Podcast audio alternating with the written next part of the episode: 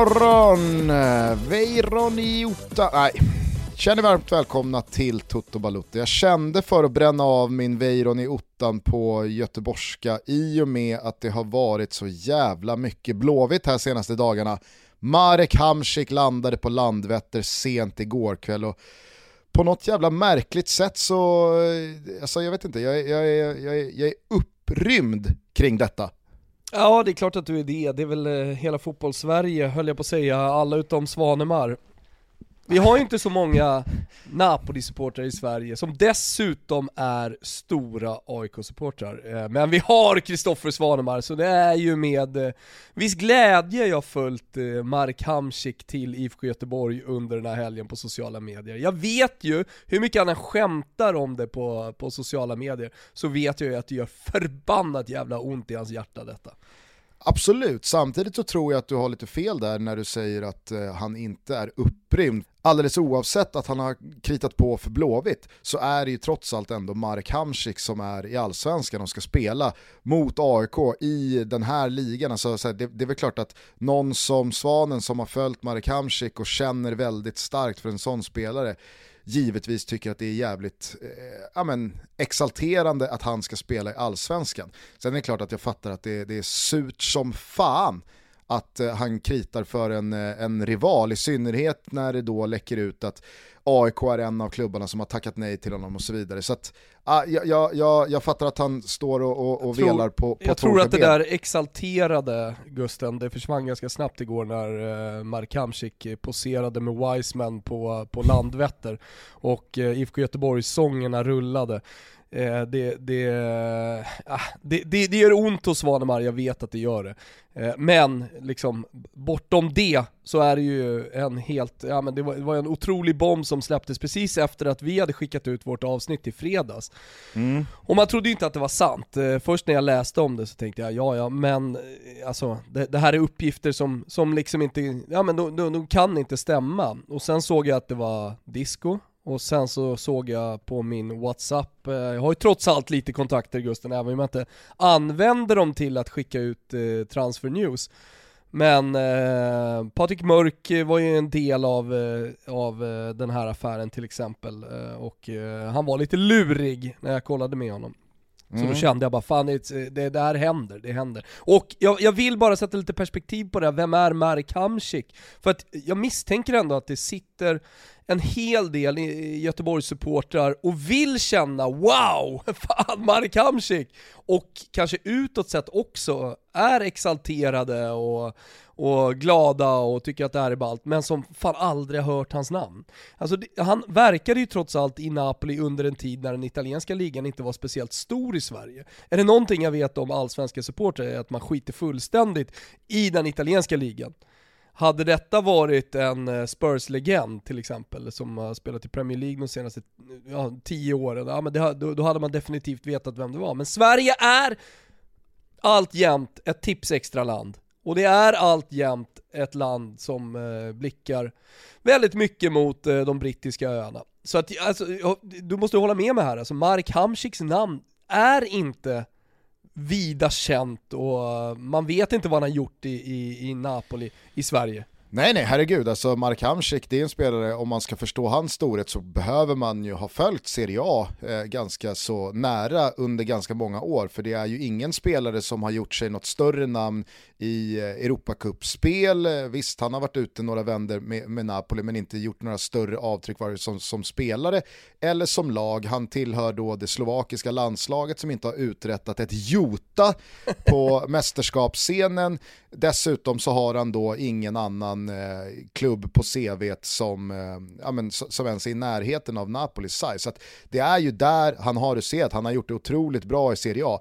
Men man ska också komma ihåg att ganska många år av hans, vad, vad blev det nu, 10-11 säsonger i Napoli, då var ju Napoli ganska, ganska svala också. Det var ju inte scudetto-strider och Champions League-spel i, i, i tio raka år där direkt. Nej, eh, sen ska du säga så alltså under hans prime så var det ju då eh, som Napoli verkligen utmanade Juventus och, och höll ändå på att vinna en, eh, en eh, italiensk titel. Men, men jag ska bara säga det, för att jag skulle ju sätta det lite perspektiv, så är han ju, alltså Marek Hamsik är ju en bandiera. Han är en fanbärare. Han är större än Lorenzo Insigne som trots allt är liksom stadens son i, i Neapel.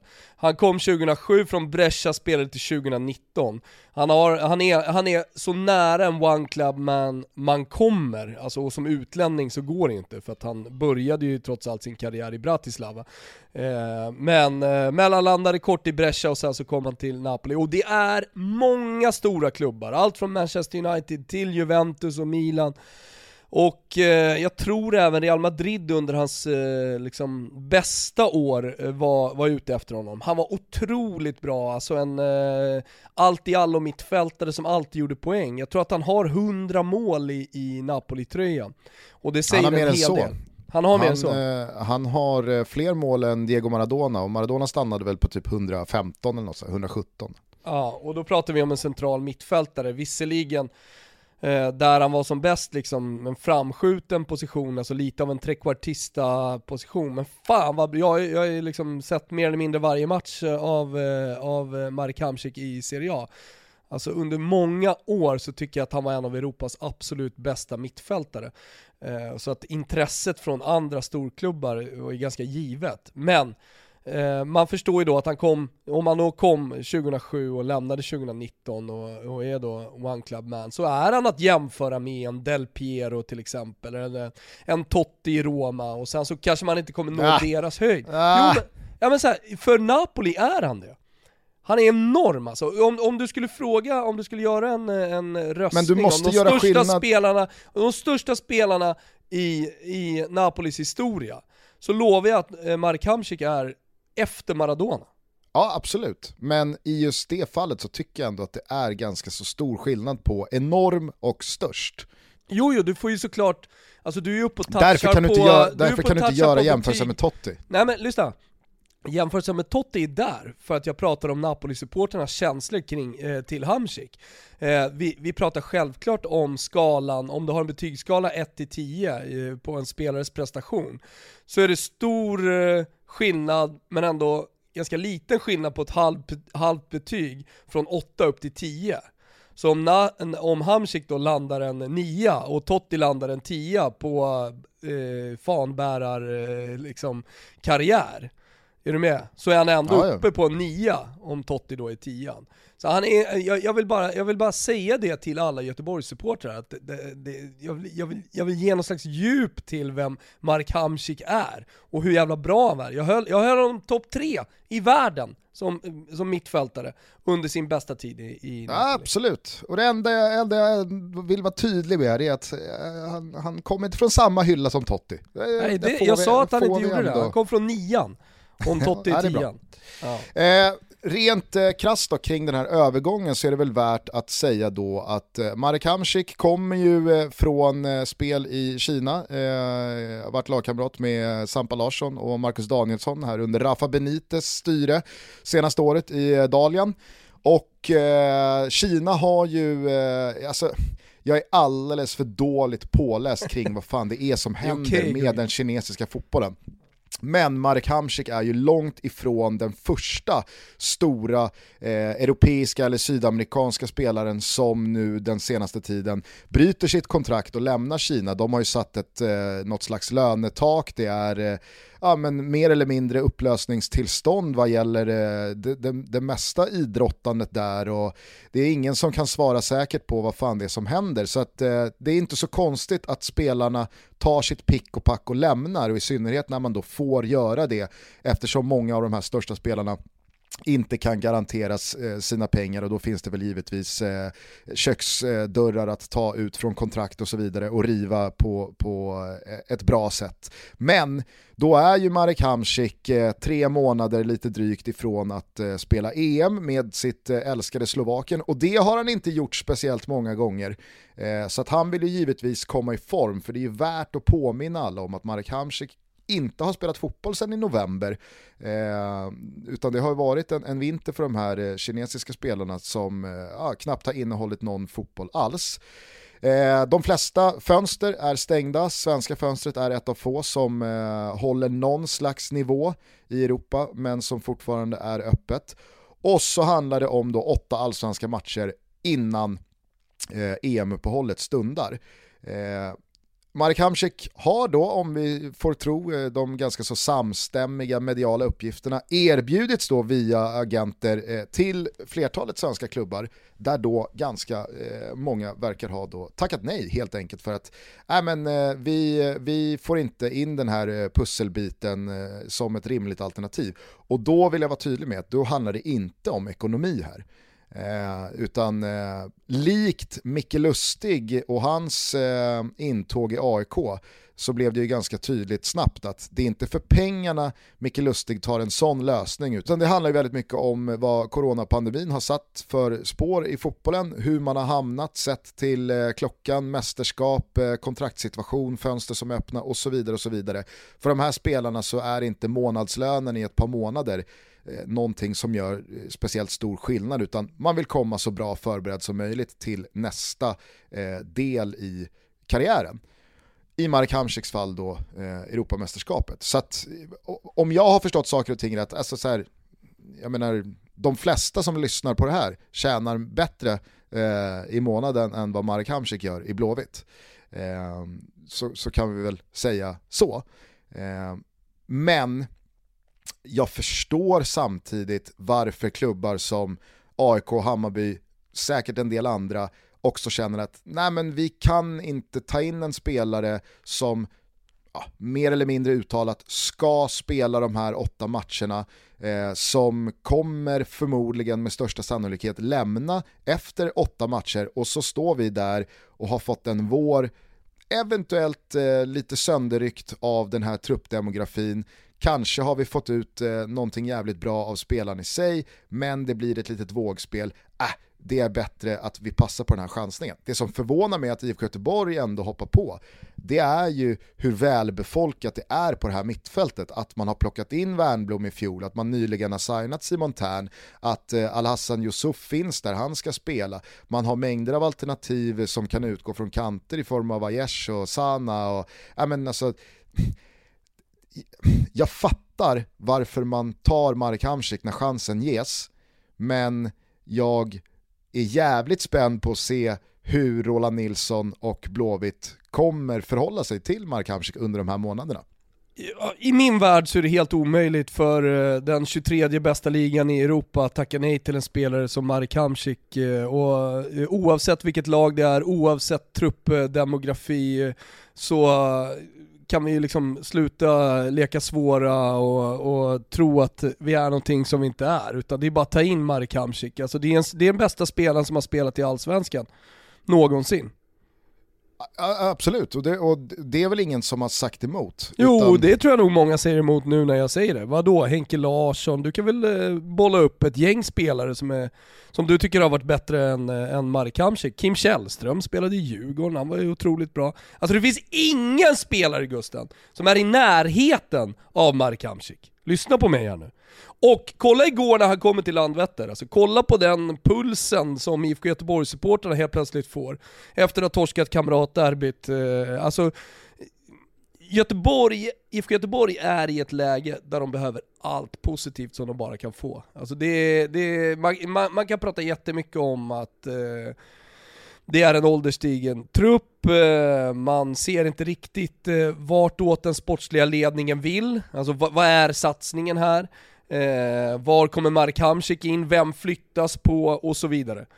Men i slutändan så är det Mark Hamsik. Och i slutändan så är det åtta matcher som kommer få IFK Göteborg-supporterna att drömma. Och det enda, enda det handlar om i Allsvenskan, inte minst i det här läget, så är det att få supportrarna i alla fall att få lite jävla puls och att drömma igen. Och IFK Göteborg efter de senaste årens jävla kräftgång i, i, i allt, eh, från sportsligt till eh, liksom stök i, i ledarrummet. Fan, få in Ham, Marek Hamsik i, i åtta matcher och få lite jävla puls på projektet. Och sen bygger vi vidare från det. Då kan väl Simon Tern eller vad fan de andra mediokra spelarna heter stå åt sidan lite då och titta på när han har show på eh, nya gamla Ullevi.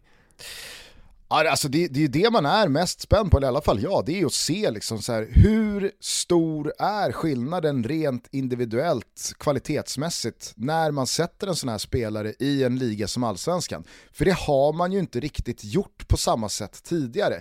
Marcus Rosenberg i all ära, men när Marcus Rosenberg väl valde att vända hem till allsvenskan och Malmö igen, då hade han det ju riktigt jobbigt att få speltid i ett lag som West Bromwich. Alltså, det, det, det, det, är ju svenska spelare som vänt hem av andra anledningar och när man väl har vänt hem så kanske man ja, aldrig har kommit upp i eh, Marek Hamsiks eh, nivå. Sen så är jag den första att nog ändå liksom göra skillnad på Marek Hamsik, dels eh, 4-5 månader av machoträning, dels med ett drygt år i den kinesiska fotbollen eh, i bagaget. Det är inte Marek Hamsik som kommer raka vägen från en Champions League-kvartsfinal och en scudetto-strid med Napoli i eh, Serie A.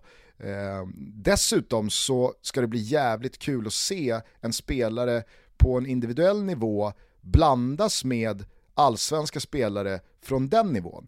För jag tror att, alltså, du pratade om att när Marek Hamsik eh, stod i sin prime så höll du honom som en av de absolut bästa mittfältarna i världen. Alltså jag, jag säger inte emot, han var otrolig un, under en tid i Napoli, men det var ju också ett Napoli som var fantastiskt. Det var ett par jävla spelare Marek Hamsik hade runt omkring sig. Det är en sak att eh, ha Cavani eller Iguain framför sig och Insigne och Mertens runt om sig. Eh, det kommer förmodligen vara någonting annat att ha eh, Robin Söder framför sig och eh, Tobias Sana Såklart. utanför sig. Självklart är det så. Jag menar, han, fotboll är ett lagspel och man kan inte göra det själv. Däremot så kommer han ju såklart visa sin klass och han kommer ju med tre veckor kvar till allsvensk premiär så han har ju trots allt lite tid på sig att anpassa kroppen och, och stärka musklerna och vad jag hör eh, och vad jag läser mig till här är det ju en Mark Hamsik som trots allt kommer i, i, i, i bra fysiskt skick. Alltså det, det, är ingen sydamerikan som har varit borta och, och kört eh, karneval. Utan, Helstekta grisen. Eh, nej precis, han kanske inte är Zlatan då rent fysiskt men, men det är en seriös människa och en spelare som alltid tränar stenhårt. Eh, så eh, alltså, allsvenskan har också legat nere sedan i, i november. Eller fan, spelade vi till december? Det kanske vi gjorde? Jajamän. Ja, vi spelade till december, men sen så det, har, har, det varit försäsongen i januari, februari och vi har kommit igång med lite Svenska cupen-matcher. Men sett till eh, spelet, om man nu kollade på Svenska cupen i helgen, eh, så är det ju eh, förhoppningsvis Eh, allsvenska lag som fortfarande har en bit kvar till eh, någon slags form. Nej men eh, absolut, och, och jag känner här att jag, jag, jag, känner mig nödgad att förtydliga att jag ser på Marek Hamsik som en otrolig jävla klassvärvning också. Jag är helt övertygad om att han kommer göra kaos på den allsvenska nivån sett till vilken nivå han själv har i den där slovakiska kroppen. Men jag kan också känna att det ska bli jävligt intressant och jag kommer liksom Ryan Reynolds here from Mint Mobile. With the price of just about everything going up during inflation, we thought we'd bring our prices down. So to help us, we brought in a reverse auctioneer, which is apparently a thing. Mint Mobile unlimited premium wireless. Ready to get 30, 30, bit to get 30, bit to get 20, 20, 20, bit to get 20, 20, bit to get 15, 15, 15, 15 just 15 bucks a month. So, Give it a try at mintmobile.com/switch. slash $45 up front for 3 months plus taxes and fees. Promo rate for new customers for limited time. Unlimited more than 40 gigabytes per month slows. Full terms at mintmobile.com. fattade med öppna sinnen vad det innebär att en spelare från den här hyllan med det senaste året lite drygt i eh, ryggsäcken, alltså vad händer när en sån spelare sätts i allsvenskan? Det blir extremt kul att se. Mm. Nej, jag håller med dig precis om det, för det brukar man ju diskutera ibland. Vad händer om man sätter den och den spelaren i, i, i Allsvenskan? Så han får ändå åtta matcher på sig att uh, visa det. Jag tänkte, du kanske vill ha ett svep Gusten? Så vi inte bara ja, fastnar jag, här. Nej, absolut, och vi, vi, ska, vi ska gå vidare från Marek Hamsik. Jag, jag vill bara avslutningsvis på detta ämne, en gång för alla, plocka ner Diego Lugano till Häcken för, eh, vad är det, fem, fyra, fem år sedan. Som, en av de, alltså, so, som den största värvningen som en svensk klubb har gjort. Alltså, vad, vad är, hur, hur kan det fortfarande leva? Diego Lugano gjorde 15-20 matcher för ett ganska dåligt PSG ganska många år innan han hamnade i Häcken. Sen, ja visst var han given och eh, ordinarie många år också lagkapten i det uruguayanska landslaget. Men herregud, vem, vem fan var Diego Lugano? Han gick till Häcken, han gjorde inte ett, han gjorde inte ett smack i Piraka, Pirakaja till Gnaget var fan större. Du, eh, ja, men sen, jag, så kanske alltså, sen, så har väl folk ändå på fötterna när man bollar upp Jari Littmanen sett till hans CV med, mm. med Ajax och Barcelona och han har vunnit Champions League och så vidare. Absolut, men Jari Littmanen, det var, det var en ganska gammal finne som kom till eh, Malmö FF. Eh, och han bjöd på ögonblick av briljans, men herregud, nej, det, det, det, går inte heller att jämföra. Svenska hemvändare, det är en annan kategori, för där, ja, där, där, finns, liksom inte, där finns inte samma eh, parametrar att väga in. Men Marek Hamsik, det är värt att påminna om att Hamsik är född 87. Han har tänkt att dyka upp till EM i så bra jävla form han bara kan och det är en spelare som för inte ens ett och ett halvt år sedan gjorde skillnad i ett Napoli som eh, gjorde det bra i toppen av Serie A. Så att, alltså så här, nej, kan vi en gång för alla mygga av Diego Lugano till Häcken som eh, en, en, en stor... Ibrahim Ba till Djurgården brukar ju bollas upp också. Ja, Ibrahim Ba verkade ju av allt att döma vara en riktig jävla sköning, en, en superprofil. ja. Men eh, fotbollsmässigt så, så, är det väl ingen som eh, på riktigt kan titta sig i spegeln och, och, peka på hans insatser i Djurgården och säga vilken jävla show det var va? Är inte du kollega numera med eh, Leo Jägerskiöld Nilsson, producent, tv-producenten? Jo, absolut. Mm. Han bollade väl upp någon till Östersund här för något år sedan som det absolut ja, ja. största som har hänt Allsvenskan. Ravel Morrison. Just det, så var det.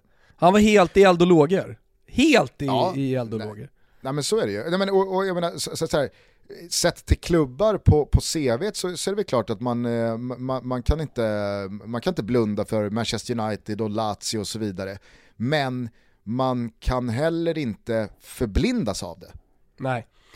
Absolut, det här, det här är faktiskt på en eh, helt egen nivå och jag tror att det faktum uh, som du tar upp här, att han, han kommer till IFK Göteborg och han spelar de här åtta matcherna för att komma till EM så bra som möjligt, är det som ändå borgar för att Mark Hamsik kommer, kommer göra allt. Trots alla benknäckare i Allsvenskan, alla Henrik Rydström-typer som kommer försöka göra livet surt för honom.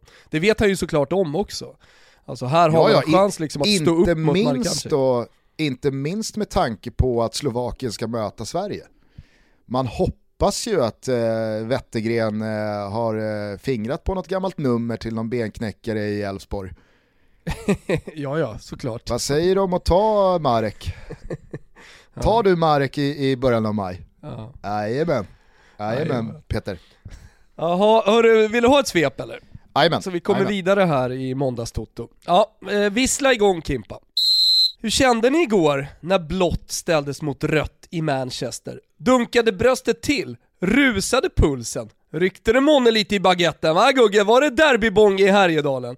Nej äh, men jag skojar lite såklart. Klart det var vilopuls i fotbollsvärlden. Mega söndag med allt från kamratderby via den mäktiga kungliga svenska huvudstaden till Madrid.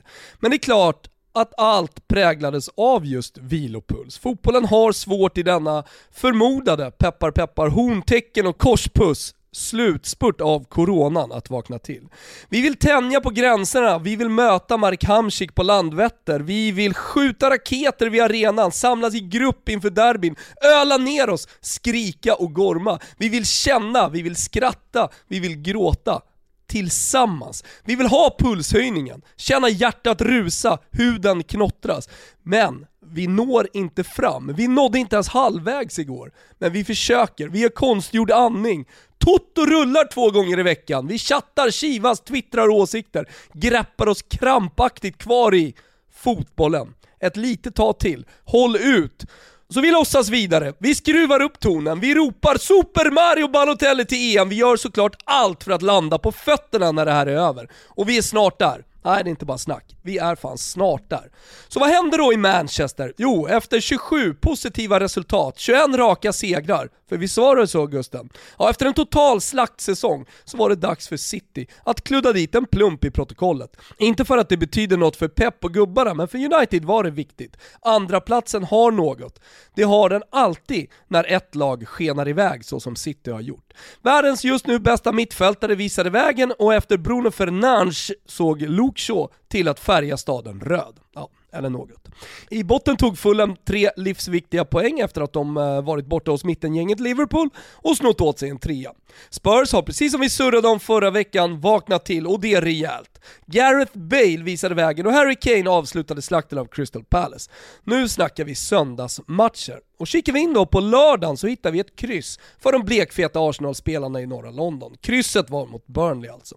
Villa Wolves kryssade också och Leicester fortsätter sin väg mot Champions League-spel i höst. Det är ju så jävla imponerande och mäktigt. Och på tal om mäktigt, nu är San Remo-festivalen slut. Ja, alltså det faktum att Zlatan och klart motorcykel, talat svajigt eh, inför en nation, hackat fram skrivna tal klart. Det är det alltså som är mäktigt.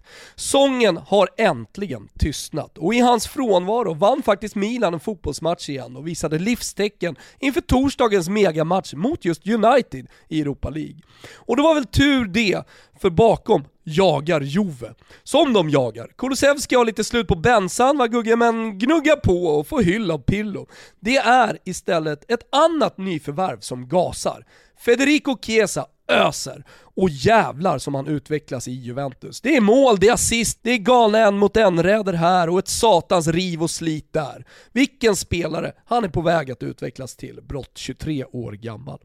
Bakom smyger för övrigt Roma med på något märkligt jävla vis. 1-0 i en lunchfight räcker faktiskt oerhört långt. Roma vive! Yes, de lever.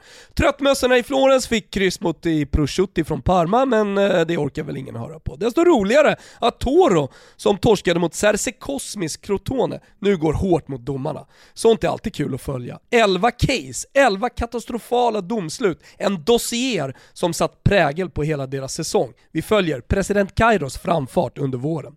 Vi skruvar upp tempot i svepet med 3 till Napoli som också hakar på, der klassiker öppnade med bomber och granater, håla med dubbelkass efter 10, kunde inte hjälpa Dortmund. Falukorven från Bayern styvnade och gick segrande ur klassiken. Till Spanien, där Barcelona bara vinner och vinner, där Messi röstar, gör mål och ler och nog fan tror på avancemang i Champions. Där Madrid-derbyt höll på att skicka marängerna långt från titelsurr, men där Bensen, galna jävla Bensen, kvitterade med någon minut kvar. Sen avslutningsvis tänkte jag säga något om svenska kuppen och de avgörande matcherna, men jag gör som vanligt, det blir bojkott i svepet, för det är så jävla uselt usel fotboll som spelas. går fan knappt att titta på. Men vi har ju Hamsik, vi har vår passion, vi har våra sånger och vårt hat! Och det räcker ta med fan långt. Vi är som alltid sponsrade av våra vänner på K-Rauta och nu Thomas är det badrumsveckor. Hur skulle du värdera badrummet i eh, hushierarkin? Äh, först och främst så tänker jag på golvbrunnar. Alltså badrum, du vet ju vad det viktigaste av allting är när man håller på och renoverar badrum.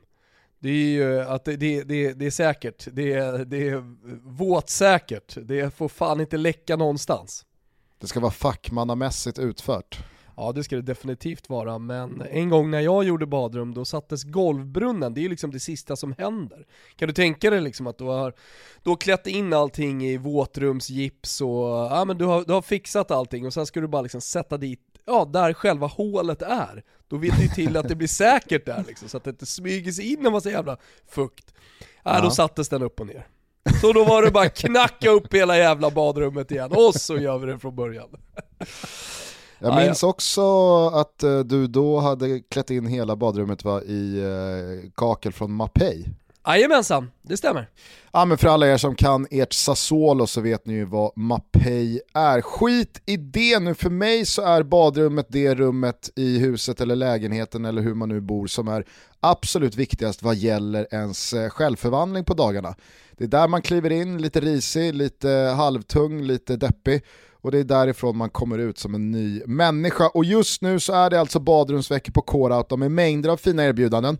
K-Rauta hjälper dig med allt från inredningstips till större renoveringar. Ta hjälp av eh, deras smidiga projektplanerare om ni själva känner att ni eh, inte behärskar det ni vill göra. Det är upp till 25% rabatt på badrumsinredning från Hafa, Noro, Svedbergs och Scanbad.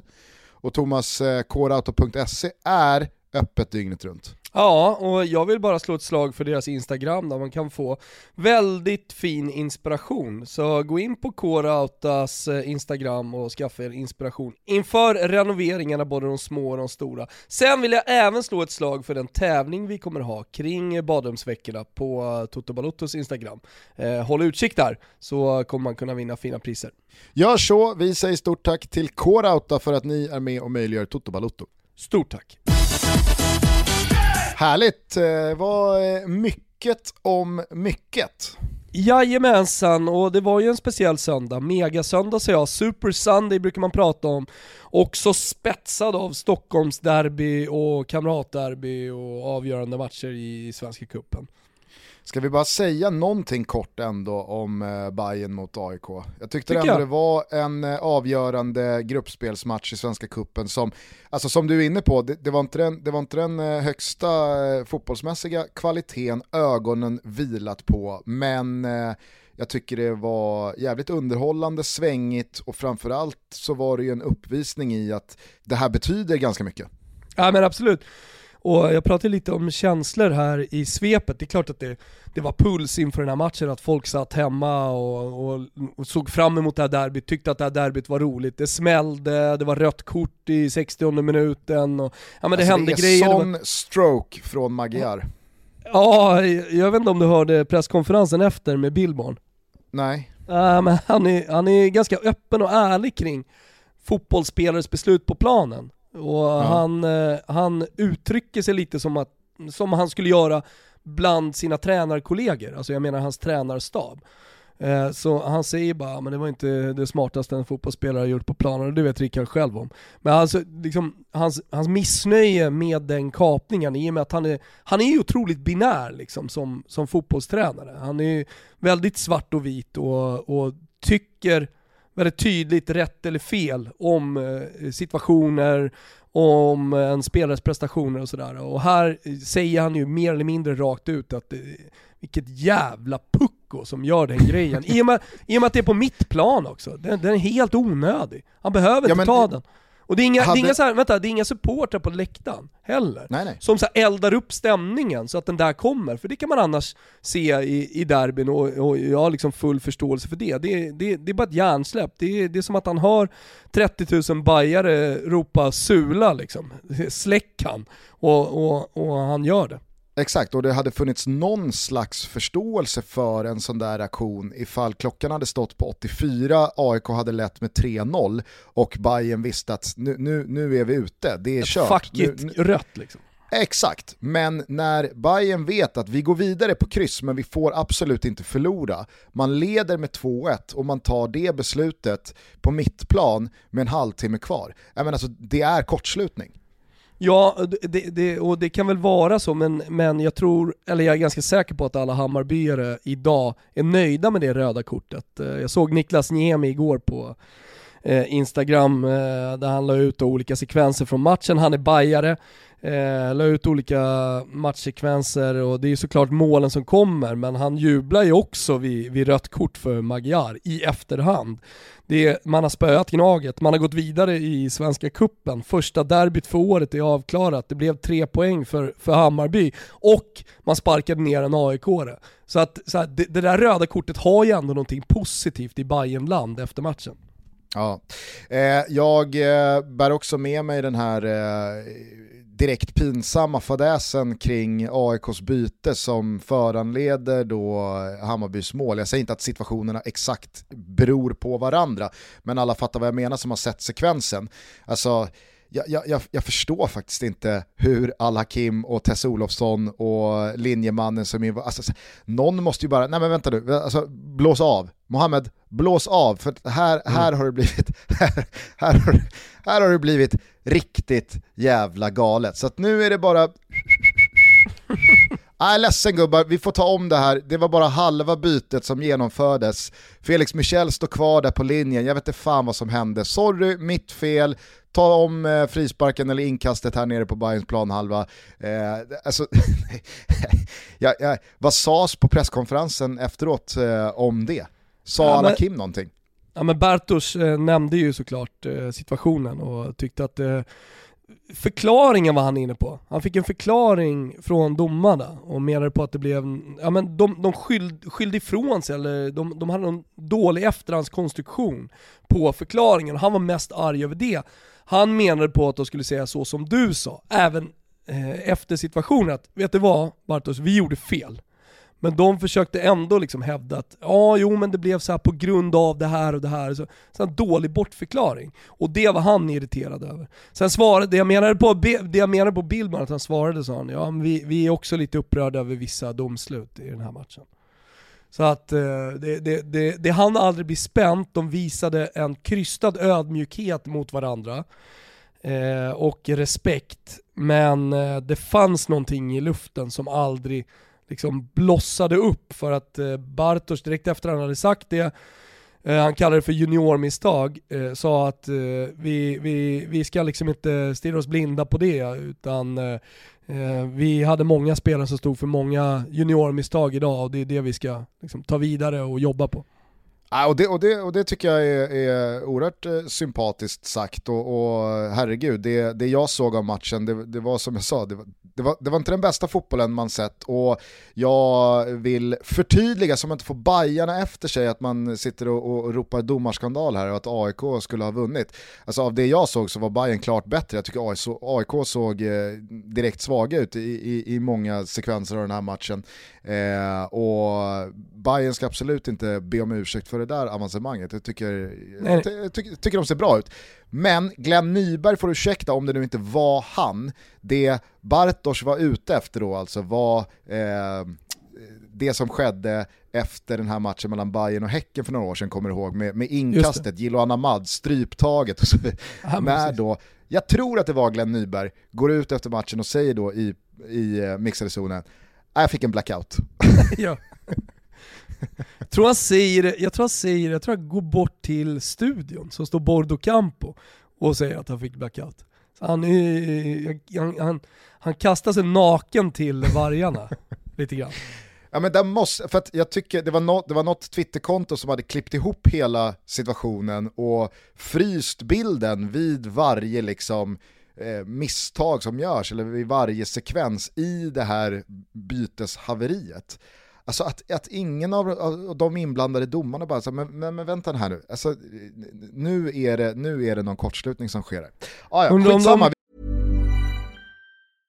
Hej, jag Ryan Reynolds. At Mint Mobile, we like to do the opposite of what Big Wireless does. They charge you a lot, we charge you a little. So naturally, when they announced they'd be raising their prices due to inflation, we decided to deflate our prices due to not hating you. That's right. We're cutting the price of Mint Unlimited from $30 a month to just $15 a month. Give it a try at mintmobile.com slash switch. $45 up front for three months plus taxes and fees. Promote for new customers for limited time. Unlimited more than 40 gigabytes per month. Slows. Full terms at mintmobile.com.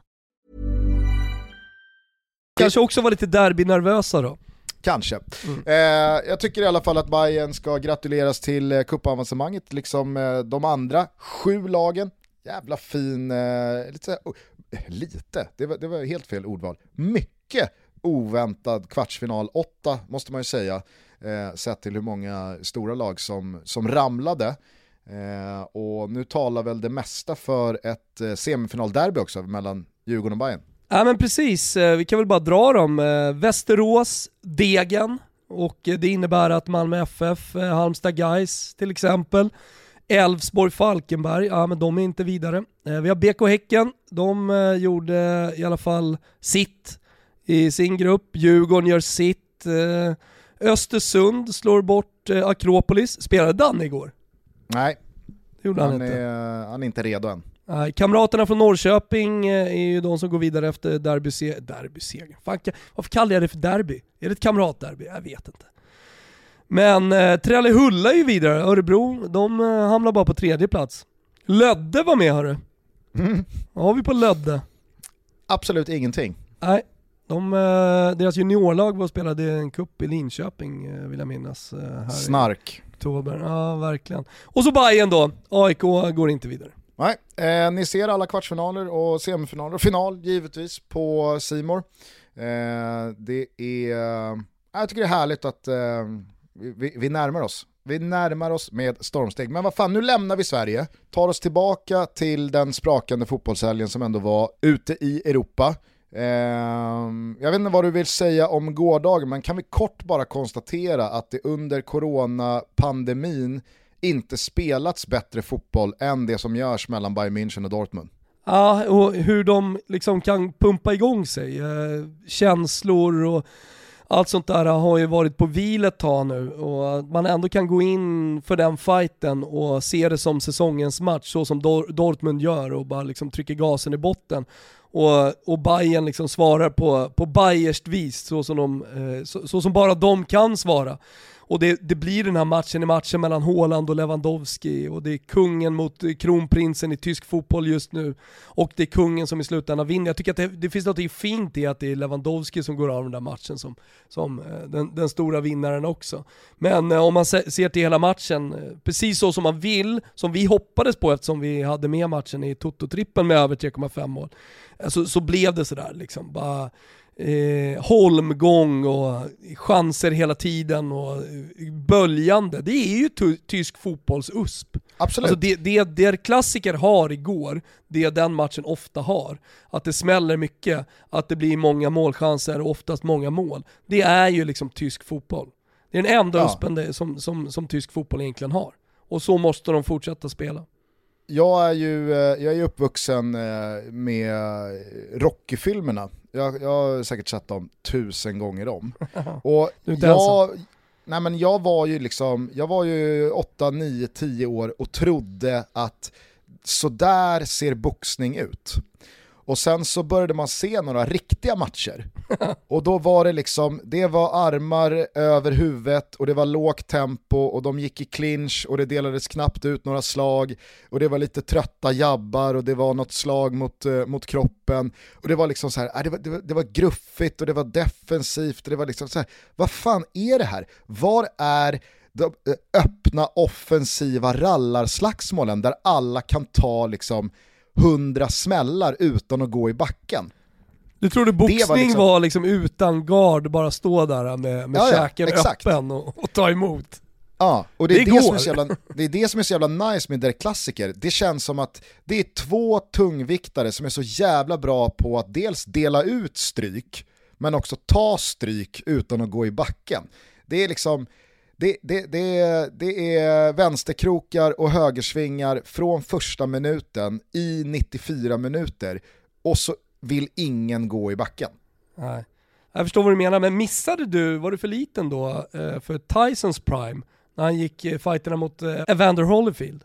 Alltså, jag, jag minns ju när han bet av örat och sådär, men jag, jag var ju ett par år för ung för att uppleva liksom Tysons prime jag, jag, jag var med i matchen liksom slutet 90-talet och då hade ju Tyson ah, ja. börjat packa ihop. Nej, för det som eh, Dortmund gör i förrgår, det är ju att öppna fotbollsmatch så som Tyson öppnade boxningsmatcher, om vi vill nu fortsätta med boxningsreferenserna. Ja. Det är liksom ah. knock, knock på 10 säck, det är det man går för. Samtidigt, alltså det är ett par riktigt bra smällar de får in. Nocken har de ju möjlighet att dela ut när Exakt. Munier kommer längs högerkanten och bara ska spela in den till Håland. Alltså Håland har redan gjort två mål, Dortmund leder med 2-0 i det här läget, det är väl 20, 22, 25 minuter på klockan. Mm. När Meunier stormar in i straffområdet från sin högerkant och bara ska sätta en ganska enkel passning förbi två backar, eh, spela förbi Neuer och Haaland ska slå in den i öppet mål, men missar den passningen. Och man ser på Haalands reaktion, han går ner på knä och slår med båda armarna i gräset, att där dök knockoutslaget upp, mm. men vi missade det. Exakt. Vi får ja. inte det här läget igen och nu är det bara en tidsfråga innan Lewandowski och gänget får in sina njurslag. Ja. ja men faktiskt, faktiskt. Men jag håller med dig, jag tyckte att det fanns något uppfriskande i att liksom, eh, första ronderna gick på poäng till Håland och man kände att alltså nu, nu är tronskiftet här, men när allt var över så stod mästaren där med bältet i luften och stormade vidare mot det där målrekordet. Och, äh, han är så jävla mäktig Lewandowski. Har du sett att han börjat få ganska mycket grått hår? Ja jag har sett det och han blir ju bara najsare och najsare för varje grått hårstrå som kommer på, på huvudet. Ja. Jag noterade dock att eh, Håland i och med, jag vet inte om det var det första eller andra målet i matchen, nu står på 100 gjorda mål i karriären. det, är så jävla, det är så jävla sjukt. 100 kassar, jag har knappt börjat förstår spela många, fotboll. Förstår du hur många spelare som aldrig kommer upp i 100 mål? Ja. Som inte ens är i närheten av 100 mål? Nej. Och då pratar jag inte mittbackar eller liksom defensiva mittfältare utan Nej, du pratar anfallare det, det, i toppligan. Det finns ganska många anfallare som liksom på, på 13-14 eh, år i karriären inte når 100 mål. Ja. ja det är faktiskt helt ja, det, är, det är så jävla sjukt att se de där målmaskinerna mot varandra. Eh, ska vi ta oss eh, till eh, gårdagen då? Vad, vad stack ut? Madrid-derby tyckte jag ändå, mm. alltså, jag, ty jag tyckte det hade jävligt mycket. Det märktes att eh, de behövde tre poäng i den här matchen. Och det märktes att det betydde jävligt mycket också från, inte, jag tänkte säga läktarplats, men eh, från eh, sidlinjen. Alltså du ser ju Diego Simeones hela fight. Liksom, han, han är uppe och han rycker sig i håret, ja det som är kvar, men eh, och, och håller på och är så jävla känslosam. Och till och med Zidane tillåter sig själv att visa känslor under, under den här matchen. Så, och det tycker jag, det har någonting nu när det är, nu när det är tomma läktare. Att, eh, att, det, ändå, att det visas känslor.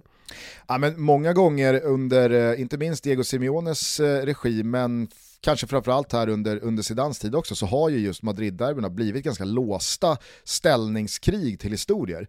Jag tyckte att det som förvånade mig igår mest, det var ju det här att Atletico Madrid liksom, ja men istället för att sjunka ner och bevaka 1-0-ledningen som man fick ganska tidigt i matchen, så öppnade man upp sig, man bjöd på ytor för att man ville framåt och göra 2-0. Jag vet inte om man liksom brände sig mot Chelsea så pass hårt att vi ska inte hamna i det här läget igen, att vi står runt egen box och släpper ifrån oss resultatet. Men det blir ju det där ganska, ja men, Atletico Madrid-olika sättet som gör att de tappar den här segern och sumpar möjligheten att haka av Real Madrid från titelstriden. Nu blir det 1-1, Real Madrid behåller inbördes möten fördelen de två emellan eh, och det är fem poäng. Visst, Atletico Madrid har en match mindre spelad, men ah, jag räknar inte bort Real Madrid än, men jag tycker att det var, alltså det var, det var underhållande att kolla på, det var kul att kolla på, men det förvånade mig hur naiva Atletico Madrid var igår. Ja, men på, på, man, man, kan prata om att de är naiva såklart också, jag, jag, jag köper det. Men de har ju så många lägen att uh, sätta 2-0 i andra halvlek när de är riktigt bra. Jag tycker det är mäktigt att uh, och Felix kommer in från bänken.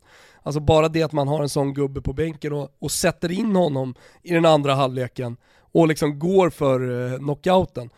Det hade såklart uh, varit mer Atletico Madrid, men jag vet inte fan om de hade klarat av att uh, stå emot en Real Madrid-press genom att stå lågt i den här matchen. Jag vet inte.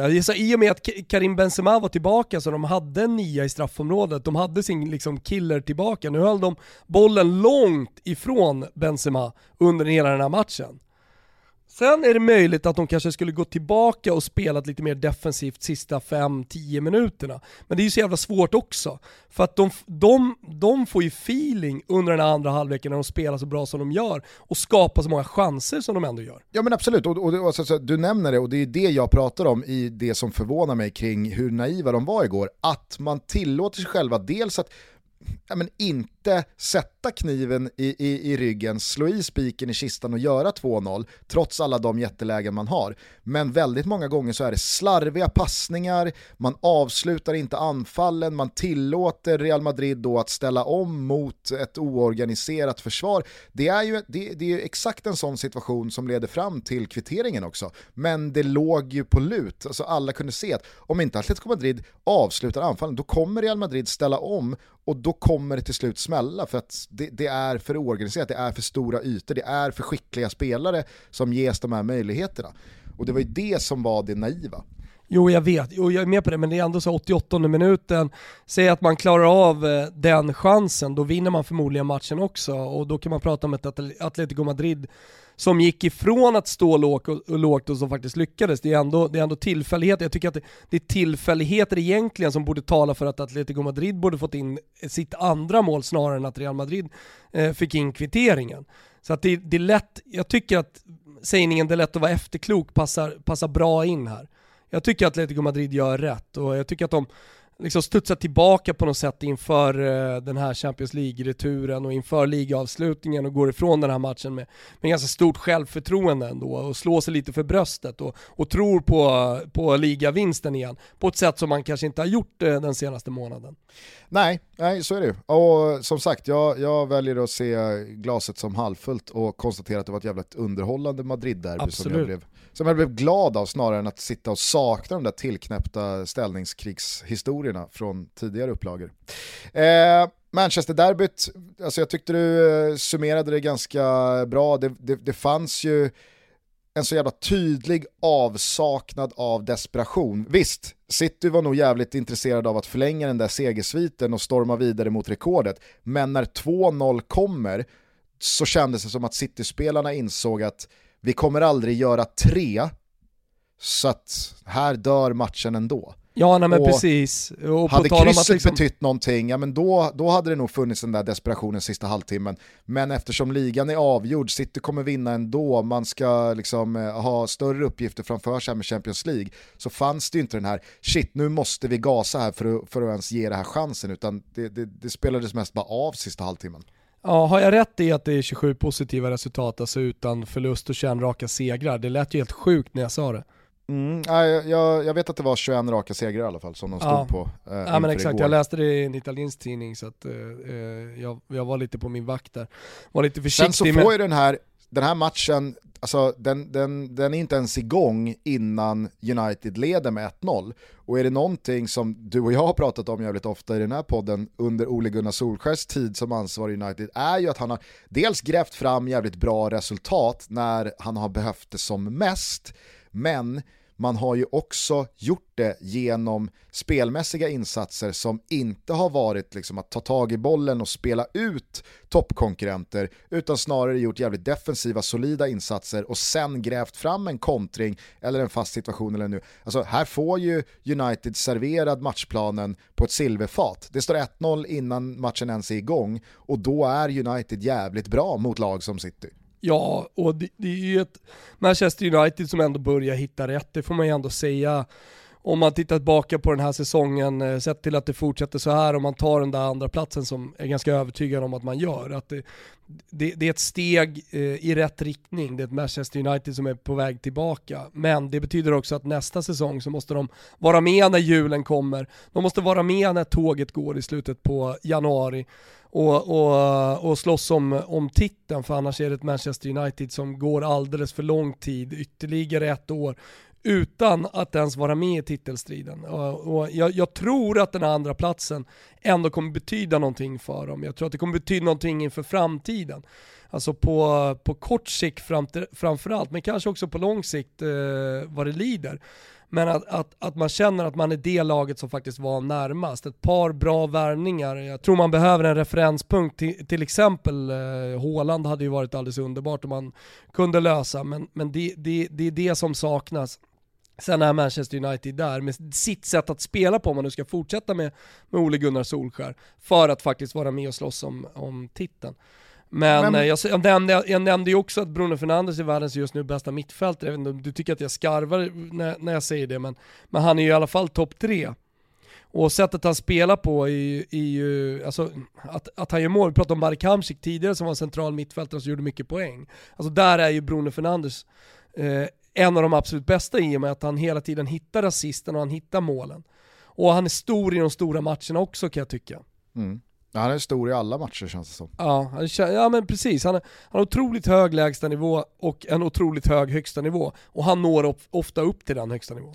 Absolut, det säger jag ingenting emot. Jag tycker dock att den här segern, den påminner ganska mycket om, i och för sig var det en vändning och det var, det var en annan karaktär på matchen, men eh, United kom ju tvåa under Mourinho bakom just Manchester City som skenade iväg och vann Premier League överlägset för några år sedan. Och så kände man att ah, men United kommer tvåa, man, eh, man huserar jävla massa fina spelare ändå, nu kan nog nästa steg tas och man slår Juventus på bortaplan och avancerar i Champions alltså, så här, det, det, det, fanns, det fanns segrar som fick upp hoppet, men jag landar fortfarande i att ja, men under Ole Gunnar Solskjaer så är ganska så mycket sig likt från från Mourinho-tiden med att mot de största lagen så för inte Manchester United matcherna. Man ger ifrån initiativet, man, man lägger sig på försvar, man spelar på omställning, man tar kampen och det, det, det går att nå resultat i enskilda matcher, absolut. Det, det är bara att rabbla upp hur många fina skalper Ole Gunnar har tagit med sitt United under sin tid. PSG vet alla om. City har man ju en otroligt bra resultatrad emot. Man slår PSG borta tidigare under den här Champions League-säsongen också. Men över en hel säsong, över 50-60 matcher, ja, men då måste du kunna föra spelet, då måste du vinna matcher på din egen kreativa, konstruktiva förmåga. För det kommer aldrig hålla i längden annars, det finns ett stopp. Det kanske är andra platsen. Det kanske är tredjeplatsen, det kanske är en kvartsfinal i Champions League. Men Manchester United kommer aldrig vinna ligan över 38 omgångar mot lag som Manchester City, som i de största matcherna mot toppkonkurrenterna spelar sitt spel, skapar lägena, äger bollen och driver på självmant. Kolla på matcherna där United i de här lägena hamnar i underläge. Leipzig, PSG hemma, eh, när Spurs vänder Uniteds tidiga ledning i höstas till 2-1 efter bara några minuter. Alltså, United har ju inte en tillstymmelse till att vända på de matcherna, utan det är snarare givna förluster från att det där underläget kommer.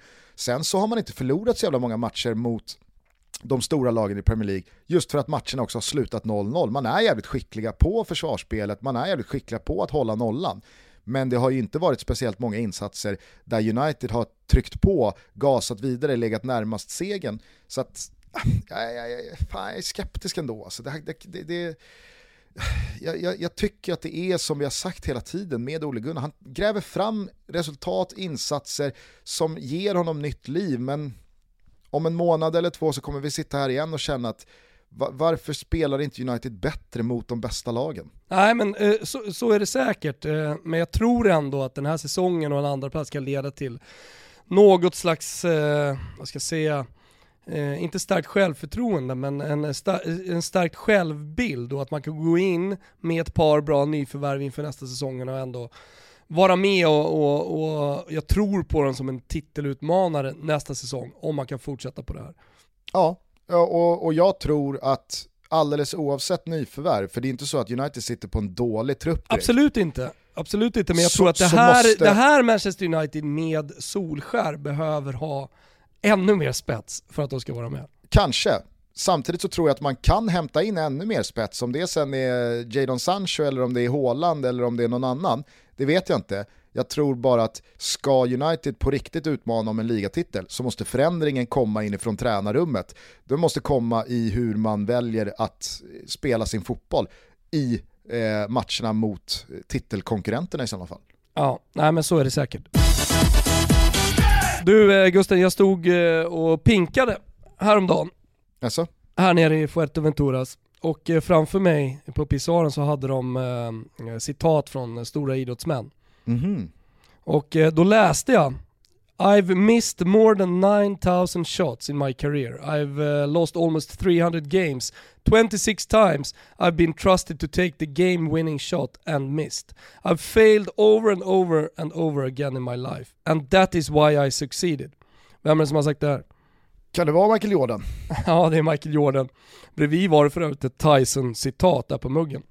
Ja, men det var någonting som gnagde i mig efter att jag eh, hörde Zlatans tal på scenen eh, sista kvällen av San Remo. Mm. Jag vet inte om du eh, följde det på något sätt? Ja, jag har följt det i efterhand och eh, fått det återgivet av eh, min goda vän och kollega Vicky Blomé igår. Men jag såg det inte live och jag kan inte säga att jag har liksom eh, Zlatans eh, känsloaura på näthinnan. Jag, jag har bara fått liksom kontexten. Ja, men det var väl ett par ganska smärtsamma minuter eh, lite då och då eh, med Zlatan på scenen. Eh, men det är också där han då landar. Så han säger då att han har spelat 945 matcher, han har vunnit många men inte alla. Han har vunnit 11 scudetti.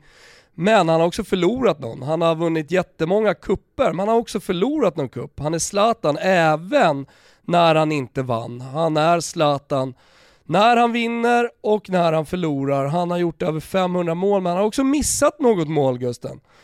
Få säger han för att vara Zlatan, men han har missat, eh, missat ett par. Ni är alla Zlatan eh, och jag är alla er. Eh, tack Italien, eh, mitt andra hem. Känner du någon likhet här på talen?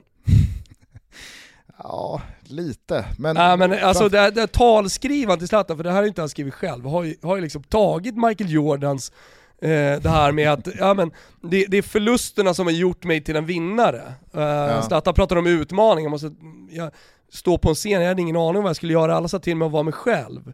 Eh, men eh, det är väldigt svårt, men det är en utmaning, jag kanske inte alltid är briljant här, men, men, men jag står ändå här för att det är det som har gjort mig till en vinnare i slutändan. Men det är så jävla snott sa han inte någonting i stil också med att, eh, att försöka och misslyckas är inget nederlag, att inte exakt. försöka överhuvudtaget, det är liksom... Det är det största det felet man kan är, göra. Det, det, är att vara en förlorare. Ja, det är det största felet man kan göra. Alltså. Jag bara, jag bara så jävla lustigt för att det hade gnagt i mig. Och sen så kollade jag då här på muggen och bara jaha, jag kan snott Michael Jordans tal rakt av. Vore ju kul om eh, han eh, också eh, snodde Michael Jordans från The Last Dance här förra året med att “And that's when it became personal to me”. det kommer väl sen då? Ja, men han var ju inte sen under förra året med att då dra upp eh, citat från eh, Michael Jordan från The Last Dance och, och, och, och påtala att det är exakt så här vinnare fungerar, så här har jag sagt hela min karriär, eh, alla kommer eh, inte kunna förstå men, men det, det, det är det här som innebär att vara en vinnare och så vidare. Alltså, jag fattar att de två är jämlika när det kommer till det där och att det, det finns en förståelse för varandra. Men de, de måste också förstå att det, det, det blir liksom...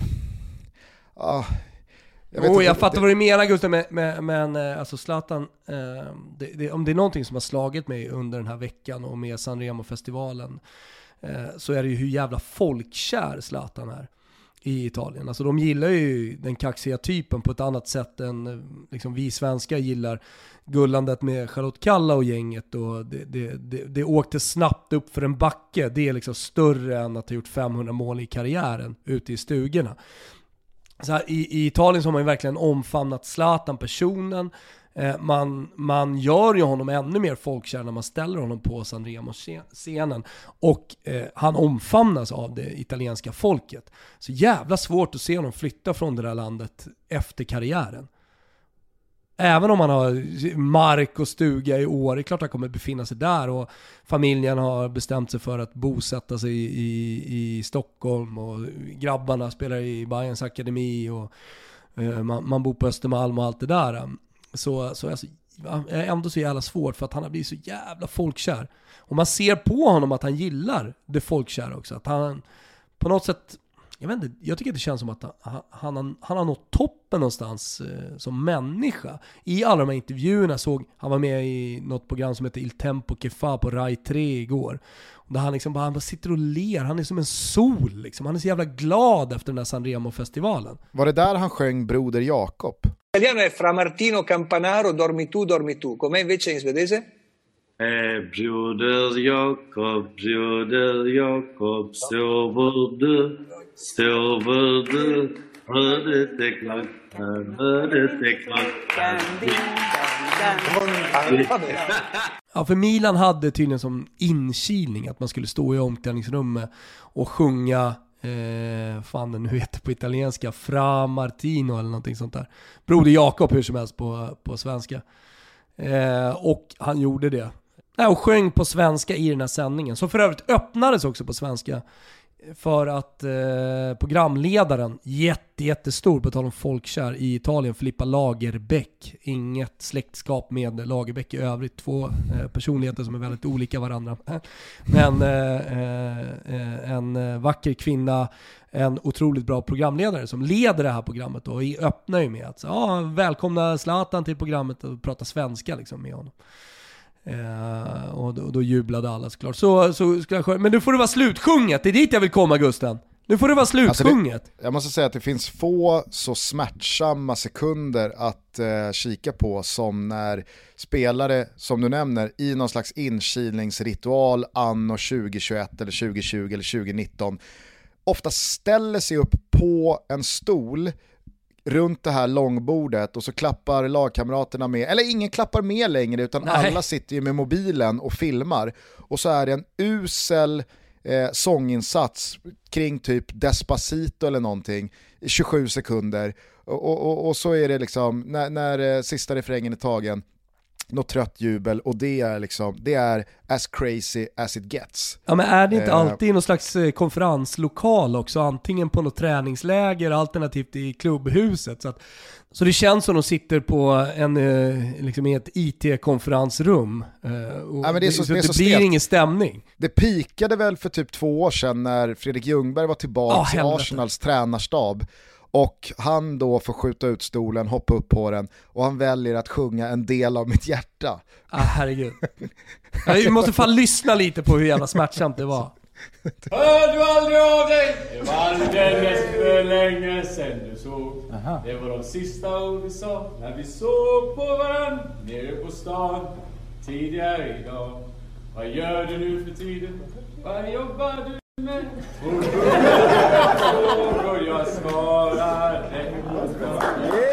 ah, Herregud, herregud. Det, det, det kryper i hela kroppen.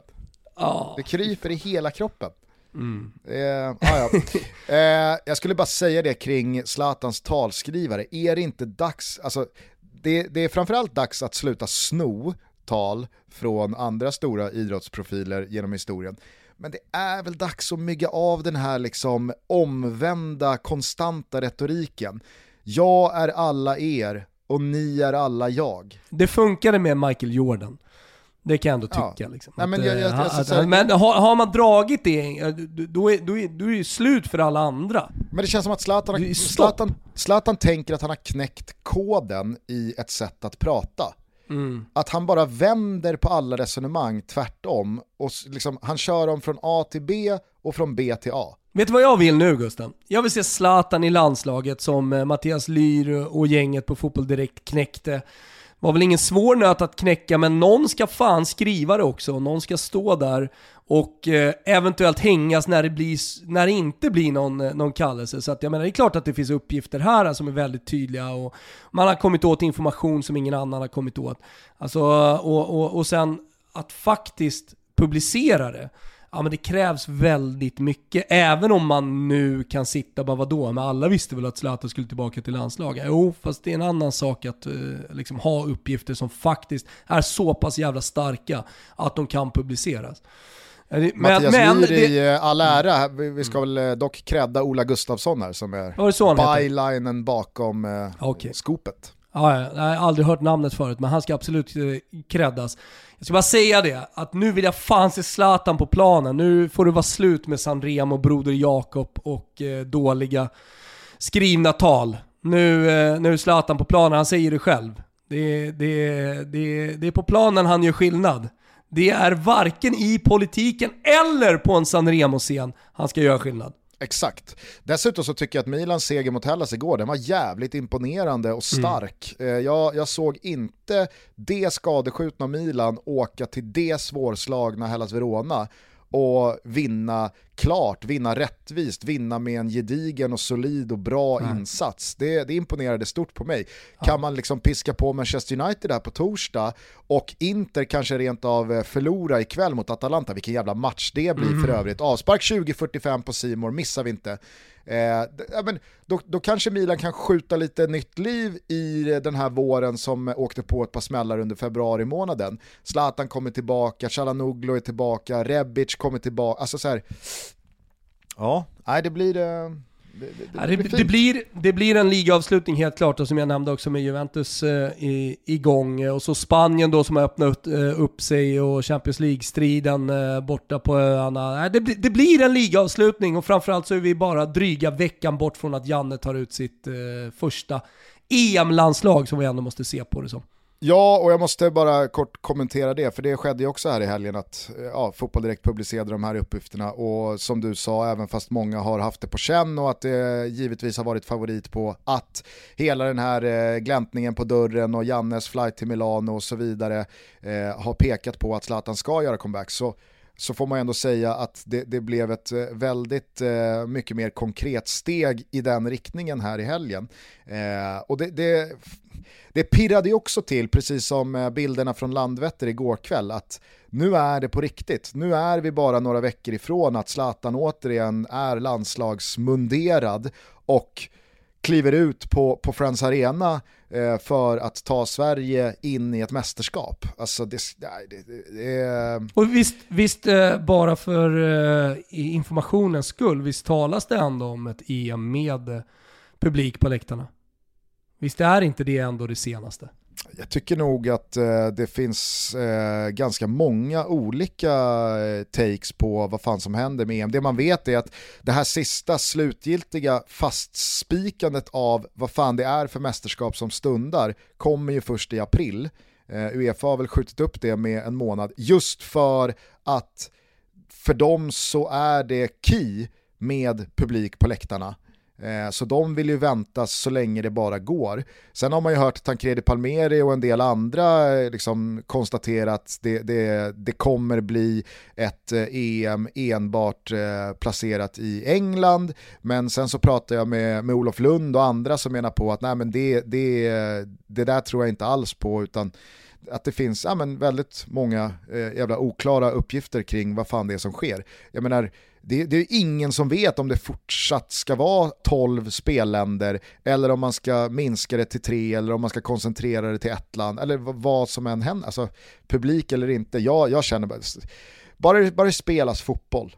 är Ja, det, kommer, det- det kommer det garanterat eh, att, att göras, alltså med tanke på det året vi har gått igenom. Och alla de eh, turneringar och kupper som, eh, som har lirats eh, på högsta nivån eh, trots att det har varit eh, liksom, ja, eh, pandemi och i vissa lägen jävligt tuff pandemi också. Så har vi ändå lyckats att och spela klart kupperna så kommer det ju såklart spelas ett EM, man ställer ju inte in det. Jag menar, jag, tänk, jag det- tänker ju lite på det här med de, de, de, de engelska fyra faserna, jag tror att det är fyra, där man ska släppa på allt någonstans i mitten på juni.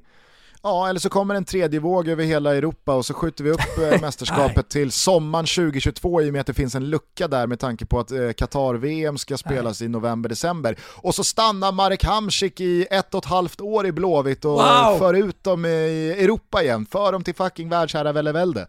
Och Super Mario är tillbaka, då har han ett år på sig att eh, övertyga Mancini. Ja men det blir alldeles underbart. Hörru Gusten, nu är eh, väskorna packade och det knackas på dörren. Det är dags att eh, ta sig ut eh, till Fuerteventuras flygplats, vidare till Stockholm. 14 PCR-tester senare Gusten, då kanske vi kan ses och spela in ett toto. Du är så välkommen tillbaka till den stad som numera är Dani Larssons hemmaplan. Underbart, underbart. Hälsa honom så mycket om du träffar honom. Ja men det ska jag göra. Eh, vi hoppas såklart att eh, utrikeskorrespondenten som numera är en inrikeskorrespondent men eh, med tanke på att Erik Friberg fortfarande dundrar vidare nere på hissingen så, så får vi väl se vad vi sätter för titel på honom framgent. Att han slår sig ner i studion här när den är färdig renoverad och att vi kan snacka igenom allt som både hänt och som kommer ske här nu när han är tillbaka i svensk fotboll. Och Akropolis och Superettan, vem fan hade kunnat tro det för bara några månader sedan? Ja, vem hade kunnat tro det? Tack för att ni lyssnar. Vi är tillbaka som alltid med ett andra avsnitt eh, lite senare i veckan. Då har det spelats Champions League-fotboll Gugge. Ja, förhoppningsvis har vi rättat ytterligare några spel borta hos Betsson. Eh, det får bli min avslutande fråga till dig idag. Vad ska du göra med alla pengar eh, du vann på Toto-trippen igår när, när Spurs mosade Palace? Ja, men det blir ju att eh, spendera dem på flygplatsen. Ja, PCR-test bland annat. Alltså, det är två lax för varje gubbe här i, i familjen. Så att, det, det är väl en runda slängar, dubbla PCR-test där. Vi är uppe nästan 20 lax när jag kommer hem eh, och isolering en vecka. Eh, så att, eh, ja, det blir, ja, fan, du har rätt. Jag tänkte säga att jag skulle spendera pengarna på flygplatsen här och köpa lite tax-free, men, men det blir helt enkelt PCR-test. Grattis till alla som ryggade i alla fall. Vi fortsätter ha kul tillsammans med våra vänner på Betsson senare under veckan. Tack för att ni lyssnar, vi hörs snart igen. Här eh, kommer eh, en del av mitt hjärta så som den ska låta. Ciao tutti! Ciao tutti! Vad gör du nu för tiden? Varför hör du aldrig av dig? Det var alldeles för länge sen vi sågs. Det var de första orden sa när vi sprang på varann ute på stan tidigare idag. Bor du kvar i samma tvåa? Vad jobbar du med? Hon bubblade av frågor, jag svarade. Sen avbröt hon mig med sitt underbara leende. Du ska veta att jag saknar dig. Det finns känslor som aldrig tar slut. Du ska veta att jag inte glömt. Det finns bilder som aldrig sådär